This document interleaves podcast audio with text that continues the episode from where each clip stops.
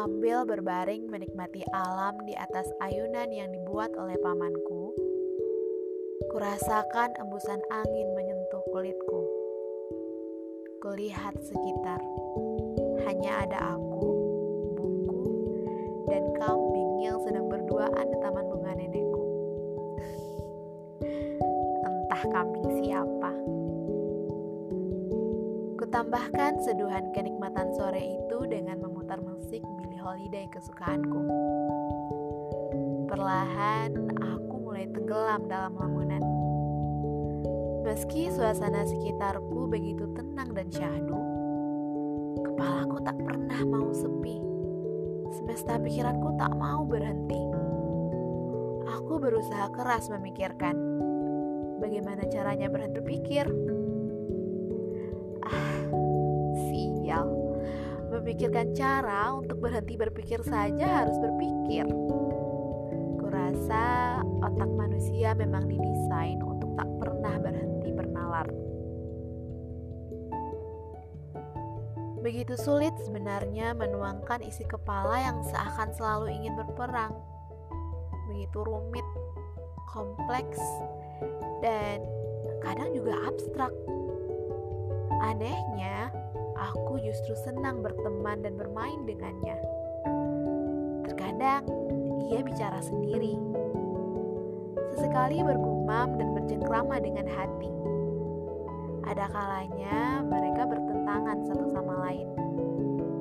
Kurasa setiap dari kita merasakan hal yang sama, bahwa untuk sekedar bisa bernafas dan tetap waras saja sudah sungguh membuat kita bersyukur dan sedikit lega. Oleh sebab itu, ketika aku berhasil menuangkannya dalam bentuk kata-kata, ada perasaan puas, lega, dan perasaan yang sulit didefinisikan. Menuangkan isi kepala, hati, dan segala rasa ke dalam bentuk tulisan menjadi salah satu alternatif bagiku agar bisa tetap waras di tengah hiruk pikuk semesta kehidupan ini.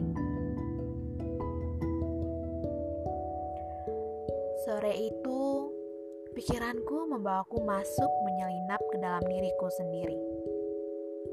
Ternyata, perjalanan terjauh yang pernah kulakukan justru saat aku sedang tidak ke mana-mana. Sejenak, kulihat ke belakang. Kususuri setiap sudut masa yang telah kulalui. Kutilik satu persatu pelajaran kehidupan yang pernah kupetik dari masa lalu kusangka aku sudah berjalan sejauh ini.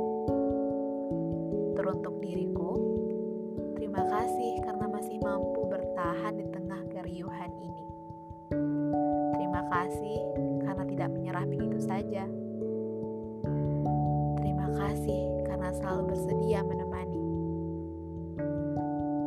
Tanpa kusadari, ada banyak hal yang berubah saat aku menemui diriku di masa lalu, kulihat ia begitu tak mau sendiri dan takut dengan kesendirian.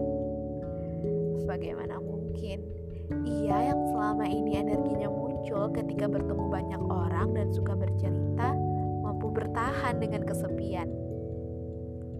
Kini, coba lihat, ketemukan aku dengan versi yang lain aku justru mendapati diriku dalam kesendirian. Segala hal pada akhirnya harus kuhadapi dan kupecahkan sendiri.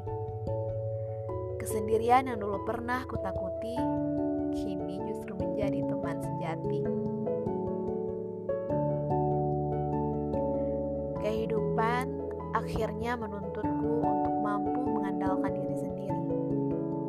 Satu persatu teman-temanku mulai sibuk dengan dirinya beberapa ada yang memulai langkah baru, ada juga yang mulai menemukan jawaban dari pertanyaan yang selama ini masih kelabu. Pada akhirnya, setiap dari kita harus kembali dan berjuang memerani kehidupan masing-masing. Hal yang ingin kusampaikan adalah tak ada yang perlu dicemaskan dan ditakuti. Kita hanya perlu menjalani dan menikmati segala proses yang akan dilalui. Pelajarannya, kita akan selalu mampu mengatasi dan beradaptasi dengan segala situasi. Hal-hal yang dulu sempat ditakuti ternyata tak semenakutkan yang dibayangkan. Aku yang dulu begitu benci dengan kata sendirian, sekarang justru begitu nyaman dengan diri sendiri. Menikmati waktu sendiri rupanya sangat menyenangkan. Membaca buku, memasak, jalan-jalan, ke pasar, mall, kafe, dan lain-lain. Semua aku lakukan sendiri. Sekarang boleh dibilang aku mampu menikmati setiap momen dalam situasi apa pun, kapan pun, dan di mana pun aku berada. Untuk itu, tak ada yang perlu dikhawatirkan. Seperti halnya dulu aku pernah begitu cemas dan takut tak diterima di perguruan tinggi negeri yang diingini. Kini justru kudapati diriku yang sudah berhasil lulus dari perguruan tinggi itu. Kurasa hal ini juga berlaku pada langkah perjalanan kita berikutnya. Bagaimanapun, kita akan selalu memiliki kemampuan untuk beradaptasi dengan segala kondisi begitu juga dengan masa depan. Meski masa depan merupakan hal yang berada di luar kendali kita, kekhawatiran tentang masa depan pasti akan teratasi dengan sendirinya pada masanya. Sebenarnya ada banyak hal yang ingin kuceritakan.